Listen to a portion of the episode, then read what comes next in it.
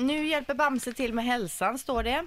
Eh, nu kallas Bamse in för att ta snacket med barnen och familjerna om hälsan då. För personalen har på barnavårdscentralerna till exempel är det inte så lätt att ta upp de här frågorna då med föräldrar och barn. För mm, föräldrar och barn känner sig väldigt påhoppade och sådär för sin livsstil och hur man lever om man blir liksom fr- konfronterad då kanske av personalen. Så istället har man tagit fram Bamse-tidningar eh, för barn mellan 4 och 6 år. Tanken är att samtalet då ska flyta lättare. Tidningen kommer finnas då på vårdcentralen, hos tandläkare och i förskolan och på andra platser. Och här bjuds då berättelser om en, eh, den skärmfria veckan till exempel. Där Bamsegängets vänner kommer förbi och visar saker man kan hitta på istället för att sitta vid datorn då. Sedan har vi minihopp och utflyktsdagen som handlar lite grann om vad man kan ta med sig på utflykten som är nyttigt och gott Jaha. att dricka.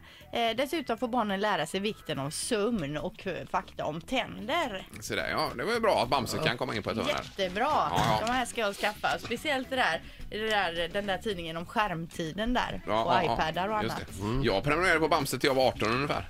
Gjorde jag. Och det var, eh, det var varje gång du fick den i brevlådan så var det en liten, fe- en, liten, Ja, det var en lite skön fest. känsla. Det var så. fest, det var det. Ja, det var det. Jajamän. Men läste du dem också eller var det bara skönt att få Nej, den? jag läste dem.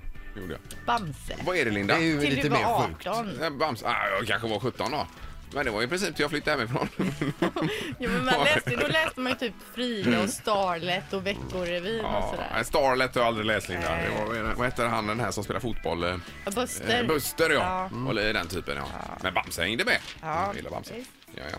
Så var det alltid en liten sensmoral i Bamse också. Bamse, ja, är just det. väldigt speciell. Mm. Ja, lite politisk. Ett poddtips från Podplay. I podden Något Kaiko garanterar östgötarna Brutti och jag, Davva, dig en stor dos skratt.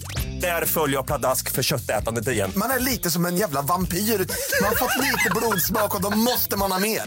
Udda spaningar, fängslande anekdoter och en och annan arg rant. Jag måste ha mitt kaffe på morgonen för annars är jag ingen trevlig människa. Då är du ingen trevlig människa, punkt. Något Kaiko, hör du på Podplay. Därför arkadeinerna.